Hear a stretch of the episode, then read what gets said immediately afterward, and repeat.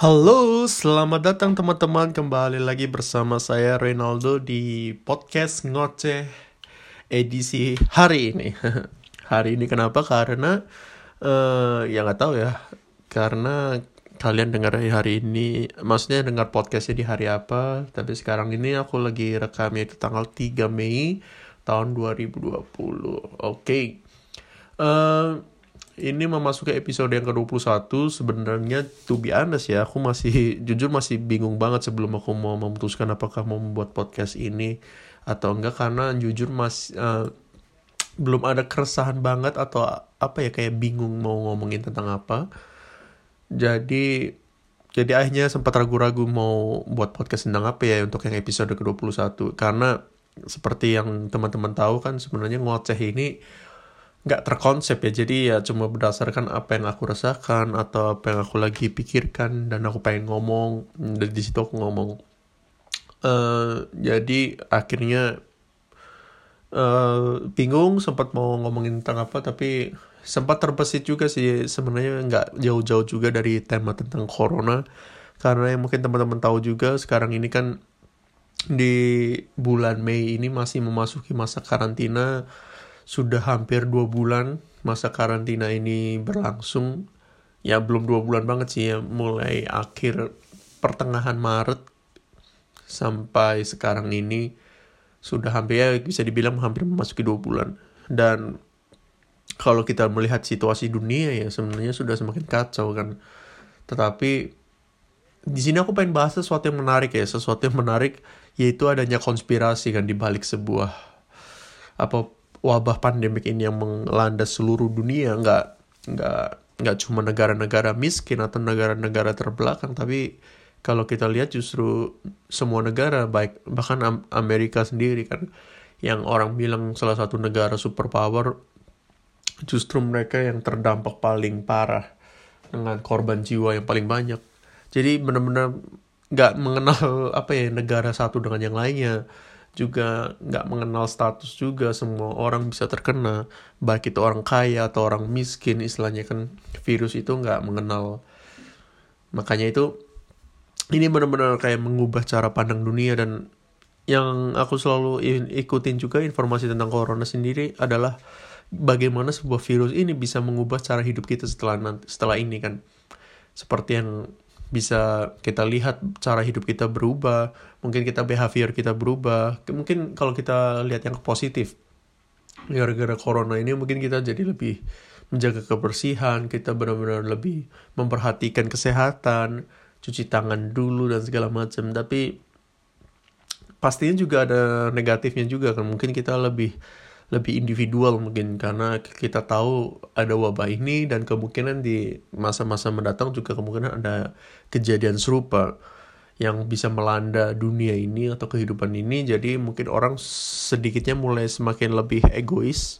Mereka ya mungkin dalam tanda kutip menimbun barang mereka atau apa pun itu untuk bersiap diri menghadapi mungkin kejadian-kejadian serupa seperti yang terjadi di saat-saat seperti ini itu sih yang kita bisa mungkin kita bisa prediksikan yang terjadi setelah adanya corona ini bagaimana hidup kita bisa berubah cara berpikir kita bisa berubah cara kita hidup segala macam. Norma kita akan bisa berubah. Yang aku salah satu khawatirkan adalah misalkan salah satu contohnya gini yang benar-benar terjadi seperti di film misalkan simple aja bahwa setelah corona mungkin cara hidup kita berubah yaitu kita harus pakai masker. Jadi kita bisa benar-benar lihat kita keluar rumah semua pemandangan pemandangan masker itu udah menjadi hal yang biasa karena semua orang sudah diwajibkan harus pakai masker dan ya, ya itu benar-benar kayak film-film apocalypse yang ada di yang Hollywood sana kan istilahnya. Dan itu benar-benar terjadi di dunia nyata bahkan mungkin ya bahwa uh, pemakaian masker itu adalah hal yang wajib. Itu sih yang mungkin sedikitnya kita bisa berubah ya kita bisa hadapin oke uh, sebentar ya aku sambil minum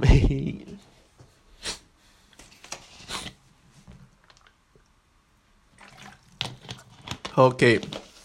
Tadi sempat aku bahas tentang konspirasi aku karena memang kalau kalian mengikuti berita dan segala macam muncul beberapa konspirasi tentang adanya virus ini kan. Sekali lagi aku mau disclaimer dulu ya kalau kita bahas konspirasi kalau kita mau bicara tentang konspirasi konspirasi itu adalah sebenarnya kan sesuatu yang ini beneran atau enggak ya? Kan sebuah isu yang dilempar ke masyarakat apalagi sekarang adanya media sosial di mana isu itu semakin berkembang lebih cepat tumbuhnya semakin lebih cepat jadi bisa jadi perdebatan kan?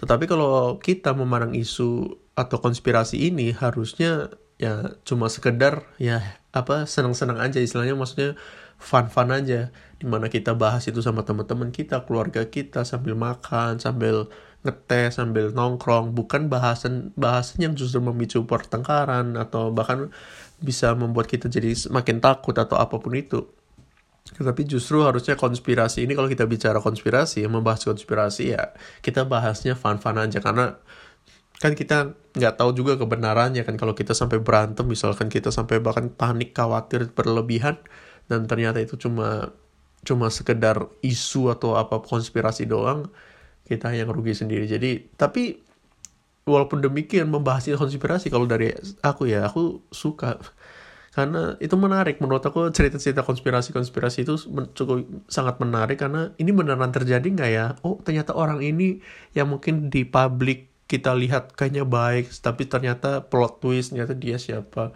Atau sosok figur yang mungkin kita anggap oh ini orang kalau kita kan biasa kalau lihat di film-film kan seperti itu ya.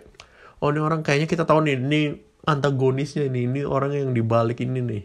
Figur dibalik adanya kejadian ini kejahatan ini. Oh ternyata dia yang justru ini misalkan konspirasi kan adanya pasti demikian kayak adanya plot twist kita nggak tahu yang terjadi. Tapi aku suka aku suka mendengar karena aku suka membaca suka lihat video video video tentang konspirasi. Tapi sekali lagi uh, aku selalu memosisikan diri ya ini cuma sekedar hiburan. Dan cuma buat fun-funan aja istilahnya. Kita balik lagi ya kita fokus lagi ke sini di mana konspirasi tadi tentang corona uh, di mana katanya ini bukan uh, kalau yang kita lihat kan faktanya yang terjadi kan uh, katanya corona ini hadir atau datang itu dari kelelawar atau ya hewan kelelawar yang berasal di China di Wuhan di pasar apa basahnya itu. Karena mereka memang menjual hewan-hewan liar yang untuk dimakan misalnya ular atau apa pun itu. Lah katanya bedas dari pasar itu. Jadi hewan itu terus masuk ke tubuh manusia, menginfeksi manusia, terus habis itu menyebar dan penyebarannya begitu luas. Uh, tetapi banyak yang bicara, banyak yang bilang bahwa sebenarnya corona ini bukan dari cuma dari kelelawar tapi katanya ada ada mulai kan ada muncul konspirasi-konspirasi bahwa katanya corona ini sebenarnya muncul dari salah satu negara yang sengaja membuat virus ini dan disebar luaskan dengan berbagai macam apa ya berbagai macam uh, tujuan mereka melakukan ini untuk melakukan depopulisasi segala macam. Kalau kita yang sekarang ini lagi gencar-gencarnya muncul kan adalah isu ini kan sebenarnya muncul dari beberapa tahun lalu ada salah satu miliuner dunia yang kita sangat kenal dan dan namanya begitu apa ya begitu tersohor di salah satu ada di salah satu acara di tahun 2017 kalau aku nggak salah atau 2016 uh, eh, dia dipanggil di suruh apa memberi memberi speech atau atau bicara di depan umum dan di salah satu speechnya itu dia bicara tentang salah satu wabah yang atau virus yang akan kemungkinan terjadi di tahun-tahun ke depan. Aku nggak tahu, aku lupa apakah dia menyebut spesifik tahunnya di tahun 2020. Tetapi yang aku ingat adalah di salah satu cuplikan videonya itu, dia bilang gini, kita nggak perlu lagi takut sama adanya wabah, eh sorry, bukan, kita nggak perlu lagi takut dengan adanya nuklir atau apa pun, atau bom apa pun. Justru yang kita takutkan adalah salah satu partikel terkecil yang bisa menginfeksi manusia dan itu mungkin bisa akan terjadi dalam tahun-tahun ke depan sebuah wabah wabah pandemik dan segala macam. Dan lalu muncul adanya isu depopulisasi di mana mau benar-benar pengen mengurangi uh, populasi manusia untuk bisa semakin ya seperti Thanos lah kalau kalian nonton film Avenger kan. Thanos kan pengen menghilangkan setengah umat manusia demi supaya energinya rata sumber daya alamnya rata mereka si Thanos kan berpikir bahwa oh ini udah kebanyakan orang nih udah jadi energinya juga jadi udah jadi rebutan buat banyak orang jadi hidupnya jadi nggak bagus lagi istilahnya nggak nggak seimbang lagi. Makanya isu itu muncul karena adanya isu, isu ini sengaja dibuat supaya adanya depopulasi depopulisasi belibet supaya ada jadi depopulisasi mengurangi umat man, jumlah manusia dan segala macam. Ya ya itu lagi. Sekali lagi ya benar salahnya kita fun fun aja kita membahas itu dengan teman-teman dan segala macam. Lalu ada isu lagi yang mengatakan bahwa uh, kalau virus ini muncul karena adanya teknologi 5G karena teknologi 5G kalau kita tahu kan ada 4G 5G dan segala macam. Kan memang sekarang ini kan lagi dikembangkan teknologi 5G kan. Aku nggak tahu positifnya apa negatifnya apa tentang 5G karena aku kurang tahu yang aku tahu kan kalau nggak salah kan 4G kan sekarang kayak di handphone handphone itu apa sinyal 4G digunakan atau di smartphone atau di alat-alat elektronik lainnya lah memang sekarang lagi dikembangkan di 5G di mana mungkin pastinya ya kalau sebagai orang awam yang mencoba mengerti tentang itu ya pasti apa ya 5G itu ya pasti internet lebih cepat, komunikasi lebih cepat dan segala macam pengiriman dokumen, data dan segala macam pasti lebih cepat. Tapi pastinya uh, frekuensinya pasti kan jadi lebih gede dan segala macam. Dan katanya dengan adanya 5G ini membuat uh, sistem imun manusia itu jadi rusak istilahnya. Karena karena memang frekuensinya yang lebih gede, gelombangnya lebih gede jadi merusak sistem imun manusia yang membuat akhirnya sistem imunnya turun dan akhirnya virus ini bisa masuk. Dan itu ya sekali lagi ini sebuah teori yang kita lem yang dilempar oleh satu dua sumber yang ya kita kalau kita dengar itu kita baca itu sekali lagi kita dengar itu buat fun-funan aja jadi itu jadi ada yang bilang demikian kan ada yang bilang juga corona ini sebenarnya kan virus flu di mana ya sebenarnya kan gejalanya dan uh, penanganannya juga sebenarnya seperti flu tapi virus ini disuntikan atau diberi zat kimia yang lebih sehingga virus ini jadi semakin lebih ganas, menularnya lebih cepat dan menyebarnya juga jadi lebih cepat. Ya, itu sekali lagi salah satu teori. Tetapi teori yang salah satu yang menurut aku paling menarik adalah sebuah teori di mana teori tentang vaksinnya nanti. Karena kan sekarang ini lagi ada isu bahwa vaksinnya sebenarnya sudah ditemukan nih, tapi sedang masih dalam tahap apa ya? Aku lupa apakah dalam tahap pengujian terhadap manusia atau ada tahap uh, tentang hak cipta hak ciptanya ini sendiri atau copyrightnya punya siapa nih atau apa pun itu atau masih terkendala law-nya itu sendiri. Tetapi memang kembali lagi dengan adanya isu ini uh, kembali lagi sebenarnya isu ini dihubungkan kembali dengan salah satu miliuner itu sendiri ya yang mengat yang dia memang investasi miliar apa miliaran atau bahkan triliunan uh, untuk untuk uh, salah satu atau untuk apa sebuah laboratorium atau apa pun itu pokoknya si miliuner ini menginvestasikan uang yang begitu banyak untuk bisa menemukan atau mendevelop vaksin ini vaksin corona. Dan akhirnya isu itu kembali muncul kan karena orang ini sudah disuspek kalau dia yang menyebabkan dia yang dengan sengaja menyebar virus ini. Uh, kembali ke tadi yang teori vaksin itu yang menurut aku sangat menarik adalah karena sekarang ini lagi dikembangkan vaksinnya itu sendiri orang mulai curiga nih oh, teori konspirasi kembali muncul nih. Konspirasi mulai muncul tentang isinya vaksin itu apa? Istilahnya kok bisa secepat itu vaksin itu ditemukan? Sedangkan sendiri misalkan kalau kita bicara flu burung flu flu yang lain sebenarnya vaksin itu juga masih belum bisa ditemukan nih sampai sekarang. Tapi kok vaksin corona kok bisa begitu cepat uh, ditemukan? Bahkan ada isu katanya Agustus sudah bisa didistribusikan atau September sudah bisa didistribusikan kok bisa begitu cepat? Seolah-olah kayak sengaja nih dibuat nih virus ini sengaja dilempar segala macam vaksinnya segala segala macam sengaja dibuat sehingga semua orang akhirnya mau nggak mau kan karena ketakutan itu. Karena ya memang orang uh, pikir itu adalah obatnya ya tentunya pasti mereka bahkan apa ya disuruh bayar pun pasti mau untuk divaksin istilahnya. Karena mereka percaya itulah obatnya. Jadi makanya mulai timbul isu ini kok begitu cepat ya vaksin ini bisa ditemukan kok bisa begitu cepat uh, bisa ada bahkan September sudah didistribusikan. Mereka mulai curiga ini isinya apa.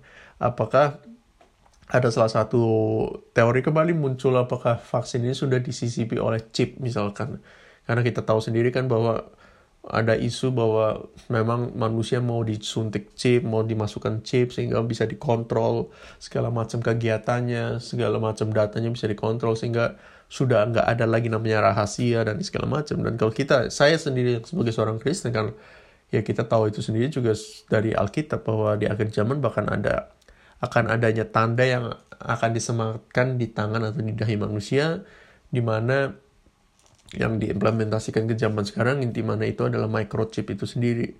Dan makanya muncul mulai mulai munculkan isu-isu itu sendiri mana apakah vaksin ini dalamnya ada chip sengaja dimasukkan jadi orang akhirnya semua orang mau nggak mau minta disuntik karena mereka terpapar corona sendiri terpapar virus ini dan mereka uh, akhirnya membutuhkan vaksin itu dan ketika vaksin itu disuntikan secara nggak langsung chipnya masuk ke dalam tubuhnya tetapi uh, sebelum aku baca ini juga ya, eh bicara tentang ini juga ya, aku juga sedikitnya membaca-baca tentang microchip itu.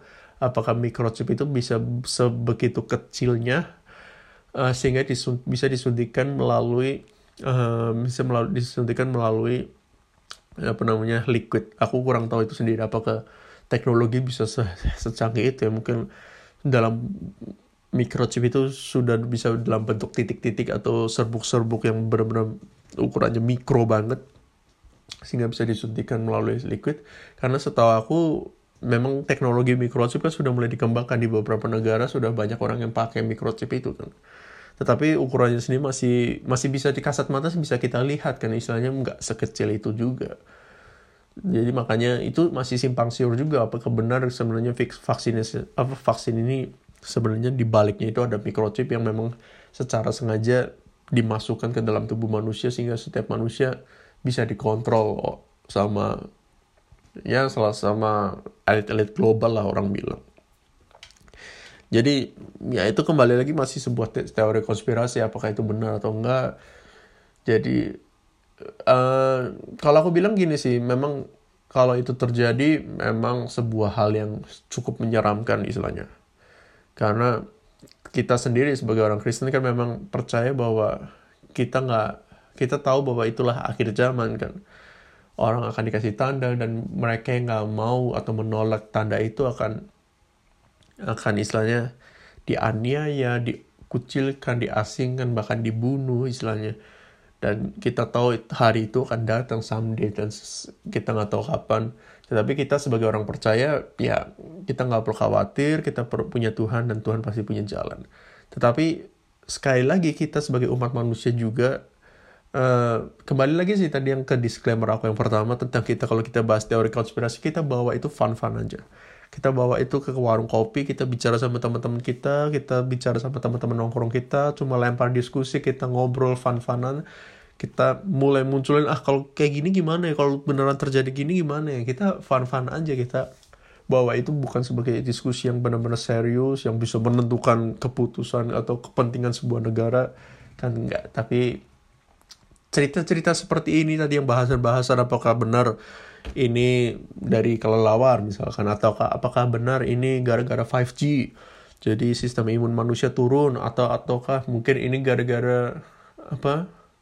Tadi aku bilang uh, isu apa? Sorry virus flu yang disuntikan lebih jadi lebih powerful jadi lebih gampang menular atau ini memang sengaja develop oleh seseorang atau memang ini sengaja supaya di balik itu vaksinnya bisa atau gini deh uh, atau mungkin karena memang chip itu bisa dimasukkan ke tubuh manusia melalui vaksin sehingga semua orang mau nggak mau mau mau menggunakannya istilahnya. Jadi secara nggak langsung chip itu bisa masuk ke dalam tubuhnya. Sekali lagi kan itu sebuah cuma sebuah isu teori yang kita bisa bahas secara fun-fun aja sama teman-teman kita. Uh, jadi kita nggak perlu khawatir kita nggak perlu takut sekali lagi kalau setiap ada isu kita harus hati-hati sumbernya dari mana dan segala macam. Sekali lagi ada satu teori juga yang ini sebelum aku menutup ya. Kayak contoh kita ada perjumlahan apa uh, korban. Misalkan korban itu sendiri banyak juga teori yang mengatakan bahwa sebenarnya ini angka beneran atau enggak istilahnya. Ada di beberapa negara bahkan percaya bahwa misalkan oh ini angkanya terlalu rendah nih nggak mungkin negara seperti ini angkanya kok cuma segini istilahnya. Negara yang mungkin penduduknya banyak banget berapa juta. Kok angkanya cuma segini? Apakah memang sengaja pemerintah tidak melakukan rapid test atau sengaja? Ya mungkin memang nggak terdeteksi karena memang mungkin pemerintahnya sengaja nggak melakukan tes supaya nggak terlihat nih jumlah yang terinfeksi berapa. Tetapi ada yang juga bilang bahwa ada di negara-negara tertentu atau angka ini sebenarnya terlalu dilebih-lebihkan nih angka ini terlalu dilebih-lebihkan dan segala macam sehingga membuat panik orang. Ketakutan itu semakin besar di dalam tubuh orang atau di da di setiap orang. Jadi orang hanya panik. Yang akhirnya mungkin mau diarahkan ke satu titik. Karena ketakutan orang kan itu gampang banget kan. Itu senjata banget nih bagi seseorang kan. Karena ketakutan itu kan wah ini senjata banget nih. Setirnya gampang enak banget nih kalau kita ketakutan disetir orang kan pasti enak banget katanya itu. Karena ada isu juga kan ada di beberapa negara misalkan uh, orang meninggal karena karena penyakit tertentu nih, bukan karena corona, tetapi sama rumah sakitnya atau sama instalasinya di satu negara aku nggak tahu lupa di negara mana. Ditulisnya eh, gara-gara corona meninggal. Jadi angkanya kan jadi naik. Jadi ya itulah isu-isu seperti itu. Kembali lagi ya kita dengar itu cuma buat fun-fun aja buat kita buat bahas diskusi sama teman-teman kita ngobrol sama teman jadi ada bahasan itu oke okay. so jadi teman-teman di masa corona ini sekali lagi uh, udah pada bingung, ketakutan segala macam melihat situasi dunia yang begitu parah, ya kita sikapnya harus tetap satu.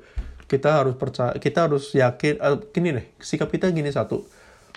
Kita harus waspada bahwa memang corona itu ada, virus itu ada, dan kita harus jaga-jaga. Jaga kesehatan, jaga kebersihan, dan segala macam. Lalu yang kedua yang kita harus perlu lakukan adalah kita nggak boleh takut, kita nggak boleh gampang memasukkan semua informasi yang ada, tetapi kita harus tahu sumbernya dari mana, siapa yang bicara, valid atau enggak. Sorry, uh, sumbernya itu valid atau enggak, atau atau itu cuma sekedar hoax.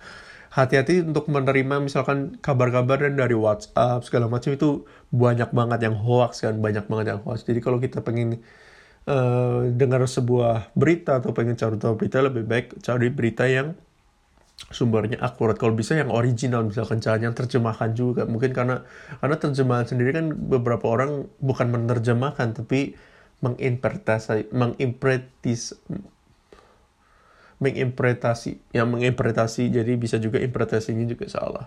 Jadi harus hati-hati. Dan yang saat yang selain itu ya kita tetap melakukan kegiatan kita normal walaupun sekalipun kita cuma di rumah kita tetap melakukan kegiatan kita dengan normal kita beraktivitas dengan normal. Misalkan kita melakukan apa yang kita suka atau work from home kita work from home.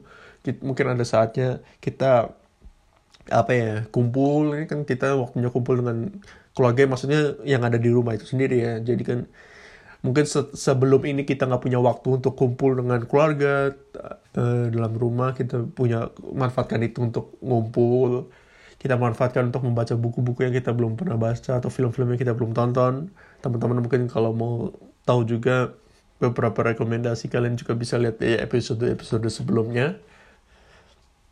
Jadi tetap melakukan hal-hal yang positif sih sekalipun ada ini jadi uh, sekali lagi dan satu lagi juga misalkan ada kita lagi ngumpul nih kita bingung mau ngomongin apa corona. Kalau kita setiap kali bahas corona kita bahasnya misalkan aduh ekonomi turun segala macam. Jadi hanya semakin takut segala macam. Tapi kenapa kita ya udah kita bahasnya fun fun aja. Oh ada ini nih ada kabar ini nih. Bener nggak ya? Dan kita sikap hatinya juga harus ya kita dibawa fun aja. Jadi nggak perlu takut dan berlebihan. Oke? Okay?